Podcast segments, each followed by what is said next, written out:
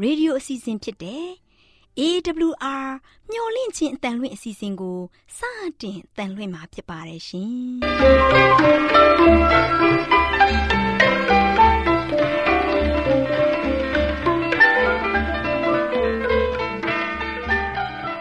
ဒေါက်တာရှင်များခင်ဗျာမျော်လင့်ခြင်းအတန်မြန်မာအစီအစဉ်ကိုနက်နက်6နိုင်မိနစ်30မှ9နာရီအထိ16မီတာ kHz 10653ည ညပိုင်း9နာရီမှ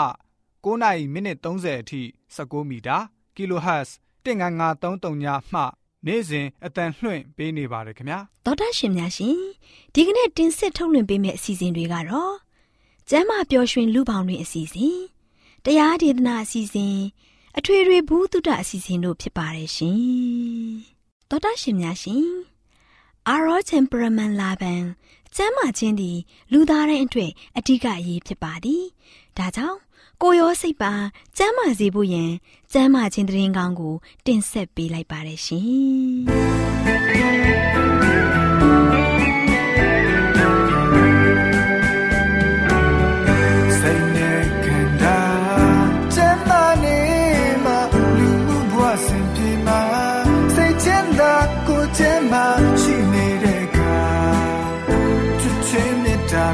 တေ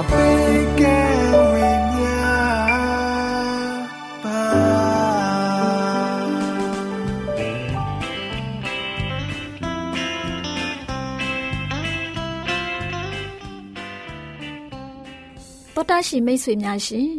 လူသားတို့အသက်ရှင်ရေးအတွက်အစာအာဟာရကိုမျှဝဲစားတောက်နေကြရတယ်ဆိုတာ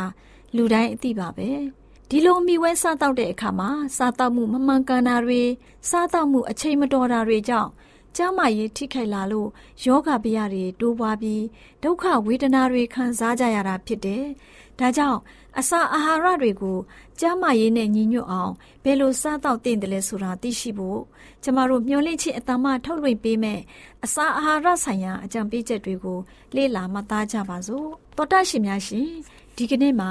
ယောဂအတွက်ကုသနည်းတစ်ခုဆိုတဲ့အကြောင်းနဲ့ပတ်သက်ပြီးတင်ပြပေးမှာဖြစ်ပါတယ်ရှင်တောတရှင်များရှင်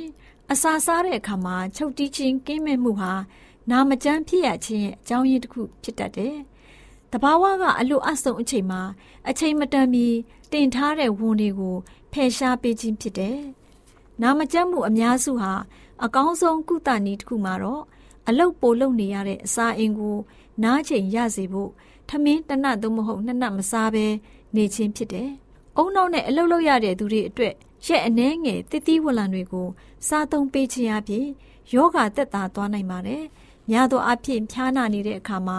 အချိန်တိုအစာရှောင်ခြင်းကိုကျင့်သုံးပြီးနှလန်ထချိန်မှာရိုးရိုးအစာနဲ့တတိဝလံတွေကိုစားပေးခြင်းဟာပြန်လည်ကျန်းမာခြင်းကိုလျင်မြန်စေပါတယ်။ကိုယ်အလိုကိုညှင်းပယ်ခြင်းဟာကျန်းမာရေးလမ်းစဉ်ဖြစ်တာကိုတလသို့မဟုတ် နလကြာအစာလျှော့စားတဲ့လူနာတွေသဘောပေါက်လာကြပါလိမ့်မယ်။တချို့ကတော့ဆရာဝန်စီမှာဆေးကုသမှုခံယူခြင်းထက်အစာကိုတရက်တန်ဒီနှစ်ရက်တန်ဒီလျှော့စားခြင်းကပိုးပြီးတော့အကျိုးထူးကြောင်းခံစားကြရတယ်။ရက်သက်တစ်ပတ်မှာတရက်အစာရှောင်ခြင်းဖြင့်များပြားလာတဲ့အကျိုးကျေးဇူးတွေကိုခံစားကြရပါလိမ့်မယ်။အစာကိုများများစားခြင်းမကြာခဏစားခြင်းတွေဟာအစာအိမ်ကိုနွမ်းလျက်စေုံသာမကဘူး။အစာအိမ်ကိုကျန်းမာရေးချို့တဲ့စေပါတယ်။ ဒါအပြင်သွေးတွေလည်းညှဉ်းညမ်းလာပြီးတော့ယောဂအမျိုးမျိုးကို ဖြစ်ပေါ်စေတတ်ပါတယ်။အဲ့ဒီလိုယောဂတဲ့တွေဟာသူတို့အတွက်သူတစ်ပါးမစွမ်းဆောင်နိုင်တဲ့အရာတွေကိုသူတို့ကိုယ်တိုင်လှုပ်ဆောင်နိုင်ကြတယ်။မိမိတို့တင်ထားတဲ့ဝန်တွေကိုမိမိတို့ကိုယ်တိုင်သက်သာအောင်စတင်လှုပ်ဆောင်သင့်တယ်။ယောဂဖြစ်ရခြင်းအကြောင်းရင်းကိုဖယ်ရှားပစ်သင့်ပါတယ်။အချိန်တိုအစာရှောင်ခြင်းအကျင့်ကိုကျင့်ဆောင်ပြီးတော့အစာအိမ်ကိုအနာပေးသင့်တယ်။ ရေကိုကောင်းမွန်စွာအသုံးချပြီးနာမကျန်းမှုကိုလျှော့ချပစ်ရမယ်။ဒီလှုပ်ဆောင်မှုတွေဟာညဉ့်ညမ်းမှုကိုကင်းစေအောင်ရုန်းကန်နေတဲ့ခန္ဓာကိုယ်အစိတ်ပိုင်းတွေကိုအထောက်အကူပြုပါလိမ့်မယ်။အရသာရှိအောင်အသင့်ပြင်ဆင်ထားတဲ့ဟင်းရတွေနဲ့ကိတ်မုတ်တွေကိုကြိုက်သလိုသုံးဆောင်တဲ့သူများဟာအာဟာရနဲ့ပြည့်စုံတဲ့ရိုးရိုးအစာတွေကိုရုတ်တရက်အရသာတွေ့ကြမှာမဟုတ်ပါဘူး။သူတို့ရဲ့ကတွင်းဟာတသီးဝလံတွေပေါင်မုတ်တွေနဲ့ ဟင်းသီးဟင်းရွက်တွေကိုစားလို့အရသာမတွေ့တော့တဲ့အခြေအထိလမ်းလွဲခဲ့ပြီဖြစ်တယ်။စားနေကြအစာတွေနဲ့အရသာမတူတဲ့အဲ့ဒီအစာတွေကိုတတခါတည်းနဲ့အရသာတွေ့ဖို့မျှော်လင့်ဖို့မလိုပါဘူးရိုးရိုးအစာတွေကိုစားစားခြင်းအရသာမတွေ့လို့ရှိရင်အရသာတွေ့တဲ့အထိအစာရှောင်သင့်ပါတယ်အဲ့ဒီအစာရှောင်ခြင်းဟာဆေးစားခြင်းတဲ့ပိုပြီးတော့အကျိုးထူးပါလိမ့်မယ်အကြောင်းကတော့အချိန်ကြာမြင့်စွာအနားမရတဲ့အစာအိမ်ဟာ နားခွင့်ရလာတဲ့အတွက်ကြောင့်အမှန်တကယ်ဆာလောင်မှုကိုရိုးရိုးအစာတွေအဖြစ်ပြေပြောက်သွားစေပါလိမ့်မယ်ဒီအခြေအနေရအောင်အချိန်အနည်းငယ်ယူရပါလိမ့်မယ်ကိုအလိုကိုဇွဲရှိရှိနဲ့ညင်းဆန်ခဲ့လို့ရှိရင်မကြမီမှာပဲအချို့အဆိတ်အရသာနဲ့ပြည့်စုံတဲ့အစာတွေကိုအရသာတွေ့တာထက်အာဟာရနဲ့ပြည့်စုံတဲ့ရိုးရိုးအစာတွေကိုအရသာတွေ့လာပါလိမ့်မယ်။ဖျားနာတဲ့အခါမှာအချိန်တိုအစာလျှော့စားခြင်းဟာအဖျားကျစေတဲ့အပြင် တောက်တဲ့ရေကိုလည်းပို့ပြီးတော့အကျိုးသက်ရောက်စေတယ်။ဒါပေမဲ့အစာချေတဲ့စနစ်တစ်ခုလုံးအားနည်းသွားတဲ့အခြေထိအဲ့ဒီလူနာကိုအစာလျှော့စားစေခြင်းကိုတော့ခွင့်မပြုသင့်ပါဘူး။လူနာရဲ့အခြေအနေမှန်ကိုနားလည်ဖို့လိုတယ်။အဖျားတက်နေတဲ့အခါမှာစားလိုက်တဲ့အစာတွေဟာသွေးကိုပုံမလှုပ်ရှားပြင်းထန်လာတာ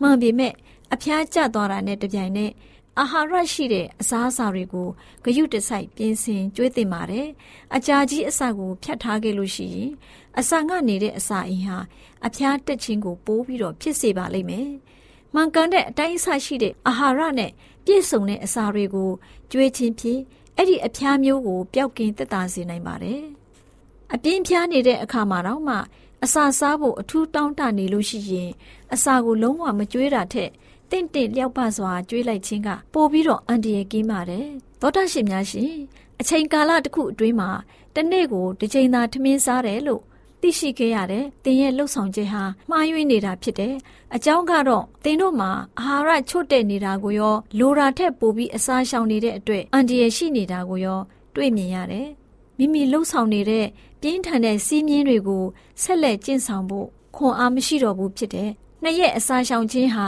မှားယွင်းတဲ့လှုပ်ဆောင်မှုဖြစ်တယ်လို့ထင်တယ်။ဒီလိုလှုပ်ဆောင်မှုထာဝရဘုရားသခင်ကမိန့်တော်မူခြင်းမရှိပါဘူး။အာဟာရနဲ့ပြည့်စုံတဲ့အစာတွေကိုတနေ့ကိုနှစ်ကြိမ်စားဖို့ဖော်ပြထားတယ်။ဒီပုံစံအတိုင်းဆက်လက်အသက်ရှင်သွားမယ်ဆိုရင်ခန္ဓာကိုယ်ခွန်အားတွေတေချာပေါက်ကျဆင်းလာပြီးဟန်ချက်မညီတဲ့စိတ်နေသဘောထားတွေဖြစ်ပေါ်လာပါလိမ့်မယ်ဆိုပြီးအစာအာဟာရဆိုင်ရာအကြံပေးချက်ကဏ္ဍမှာကျန်းမာရေးအတွက်အကြံပေးတင်ပြလိုက်ပါ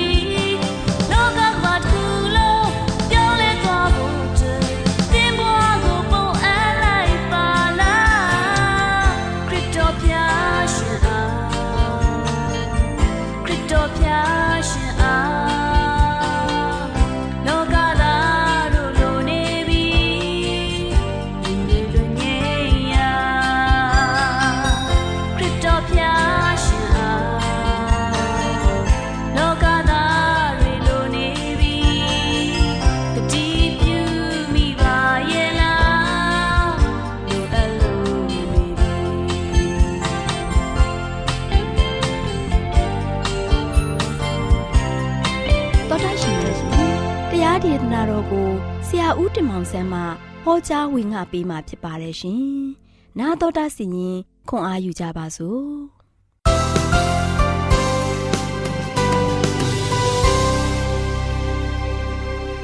ချစ်တော်ဓမ္မမိတ်ဆွေများမင်္ဂလာပေါင်းနဲ့ပြေဝဆုံနေကြပါစေဒီနေ့ပေးသွားမယ့်သတင်းစကားကတော့မျော်လင့်ချက်ကင်းမဲ့တဲ့ဘဝမှာလွတ်မြောက်ခြင်းမျော်လင့်ချက်ကင်းမဲ့တဲ့ဘဝမှာလွတ်မြောက်ခြင်းဆိုတဲ့သတင်းစကားကိုပေးသွားမှာဖြစ်ပါတယ်ဒါချစ်တော်မိတ်ဆွေတို့မျော်လင့်ချက်ကင်းမဲ့တဲ့ဘဝကနေမှာသခင်ယေရှုကကျွန်တော်တို့လွတ်မြောက်ခြင်းပေးပြီးပါပါပြီ နော်ပေးခဲ့ပြီးသွားပြီနော်ကျွန်တော်တို့အားလုံးကဘာလို့ရှိရင်အပြစ်ကြောင့်သေခြင်းတရားကိုရင်ဆိုင်ခဲ့ရတယ်သေခြင်းဟာကျွန်တော်တို့အတွက်ဘယ်တော့မှမျော်လင့်ချက်ကိုပေးနိုင်တဲ့အရာမဟုတ်တော့ဘူးเนาะကျွန်တော်တို့ကအပြစ်ကြောင့်ပဲသေရမယ့်လူတွေရဲ့ပဲဒါမဲ့ဒီသေခြင်းရဲ့တစ်ဖက်ကမ်းမှာလို့ရှိရင်ကျွန်တော်တို့အားလုံးမျှော်လင့်ခြင်းကိုရရှိဖို့ရန်အတွက်သခင်ယေရှုခရစ်တော်ကကောင်းကင်ရွှေမြို့တော်ကိုဆွတ်လွတ်ပြီးတော့ယနေ့လောကကမ္ဘာမှာလာရောက်ပြီးတော့တကားလားကျွန်တော်တို့နဲ့အတူနေထိုင်ခဲ့တယ် ကျွန်တော်တို့ဒီကမ္ဘာကြီးပေါ်မှာရှိတဲ့လူသားတွေရဲ့ခံစားချက်တွေကိုနားလည်မှုပေးခဲ့တယ်လို့ယနေ့ဒီကမ္ဘာကြီးပေါ်မှာခရစ်တော်ကဆိုရှင်သူ့ရဲ့အသက်ကိုပရဏမထားဘဲနဲ့လဝါကားတိုင်းမှာအသေးခံပြီးတော့အသွေးအားဖြင့်သွန်းလောင်းပြီးတော့ကျွန်တော်တို့ကိုကြီးမားတဲ့ညှော်လင်းချက်ကိုပေးခဲ့ပြီးသားဖြစ်ပါတယ်။ဒါကျွန်တော်တို့အားလုံးကဆိုရှင်ညှော်လင်းချက်ကင်းမဲ့တဲ့ဘဝနေမှာလွတ်မြောက်ပြီးသားလူသားတွေဖြစ်တယ်။ဒီနေ့သင်လည်းညှော်လင်းချက်ကင်းမဲ့တဲ့ဘဝနေလွတ်မြောက်ပြီးသားမိတ်ဆွေဖြစ်တယ်။ကျွန်တော်လည်းညှော်လင်းချက်ကင်းမဲ့တဲ့ဘဝနေမှာမိတ် လွတ်မြောက်ပြီးသားသူဖြစ်ပါတယ်။ဒါကြောင့်မျောလင်းချက်ကင်းမဲ့တဲ့ဘဝနေမှာလွတ်မြောက်တဲ့သားသမီးတွေဖြစ်နေတဲ့အတွက်ကြောင့်ကျွန်တော်တို့ဘလောက်ဝမ်းသာစရာကောင်းတယ်။ဘလောက်ဝမ်းမြောက်ဖို့ကောင်းတယ်။ဒါကျွန်တော်တို့ရဲ့အသက်တာမှာဆိုရှင်စိုးယုံခြင်းတုံလုံးခြင်းခြောက်ခြားခြင်းတွေရင်ဆိုင်နေရပေမဲ့ဒီပြဿနာတွေအားလုံးကိုဖြေရှင်းပေးနိုင်တာကဖရားပဲဖြစ်တယ်ရှိတယ်ဆိုတာကိုပြီးခဲ့တဲ့ရက်ကပြောခဲ့ပြီးသွားပြီ။ဒါကြောင့်ဖရားမှလွဲ၍ကျွန်တော်ရဲ့မျှော်လင့်ချက်တွေကိုပြေဝဆုံနေအောင်ဘယ်သူမှမလုပ်ပေးနိုင်ဘူး။ဒါကြောင့်ပြေဝကုံလုံးအောင်လုပ်ပေးနိုင်တဲ့ဖရားရှင်ကို ယနေ့ကျွန်တော်တို့ကအားကိုးဖို့ရည်ကြည်တယ်။နော်ကျွန်တော်တို့ကစက်ကပ်ဖို့ရည်ကြည်တယ်ကျွန်တော်အနံဖို့ရည်ကြည်ပါတယ်။ဒါကြောင့်တမန်ကျမ်းစာထဲမှာဆိုရှင်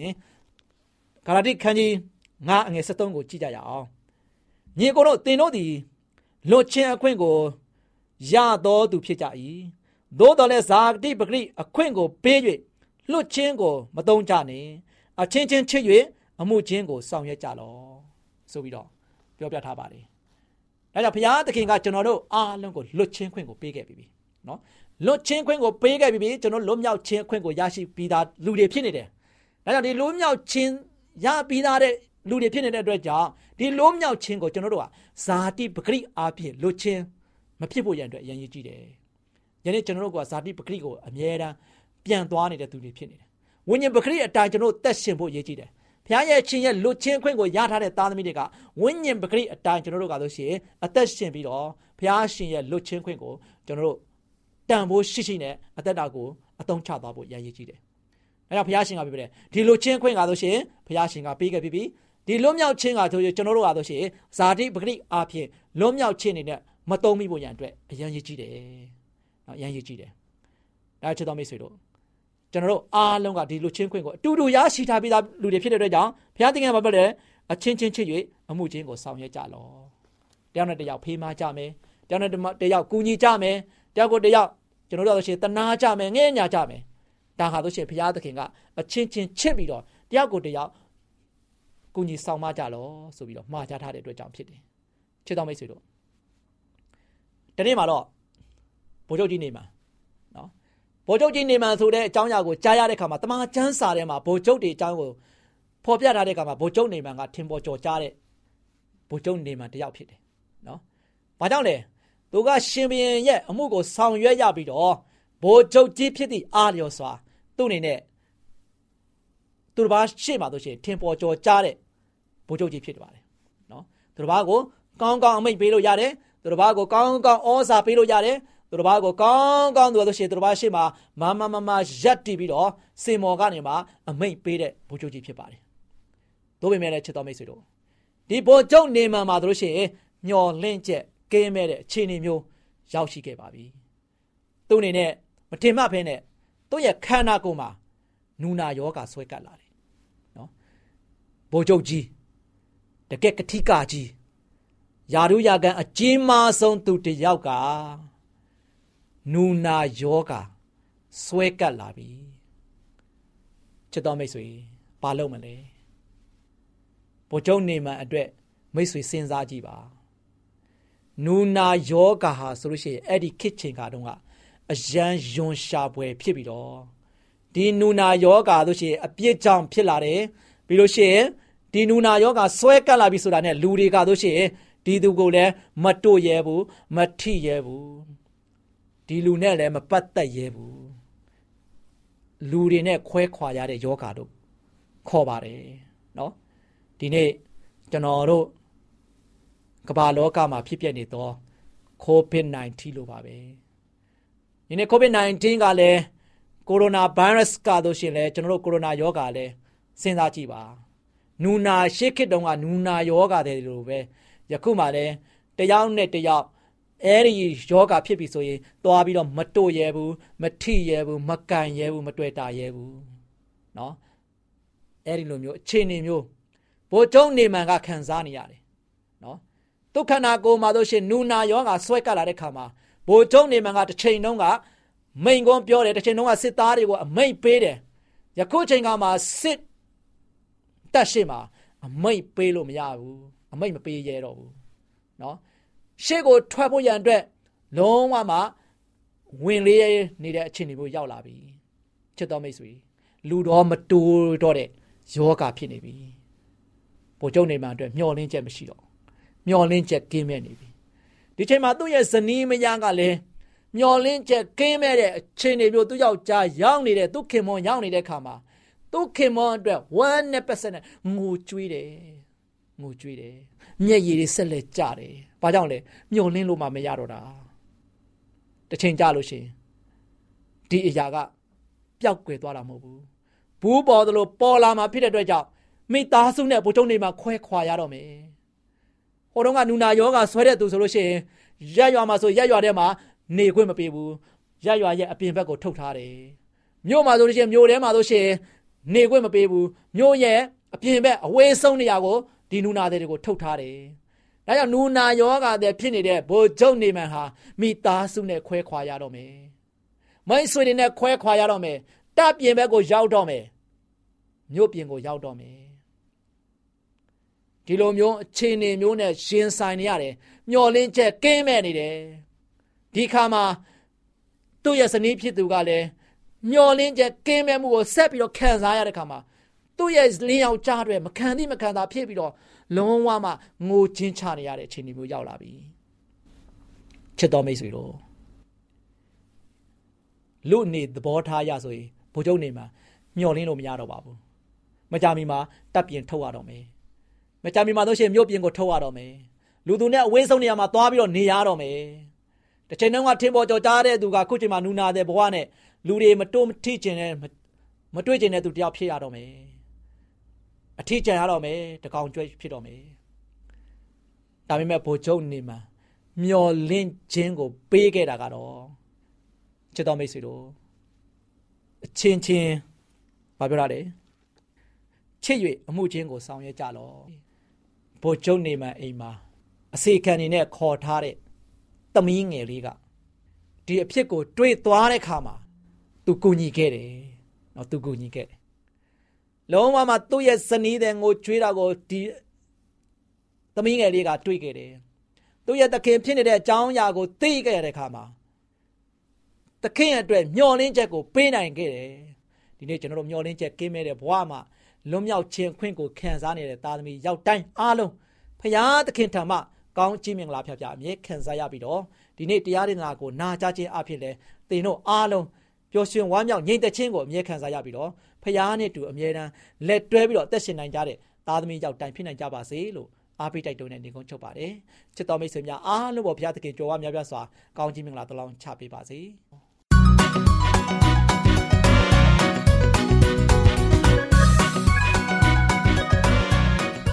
မျောလင့်ခြင်းအသားမြမအစီအစဉ်ကို နာတော်တာဆင်နေကြတဲ့တူလေးတူမလေးတို့အားလုံးမင်္ဂလာပေါင်းနဲ့ပြည့်စုံကြပါစေတူလေးတူမလေးတို့ရေ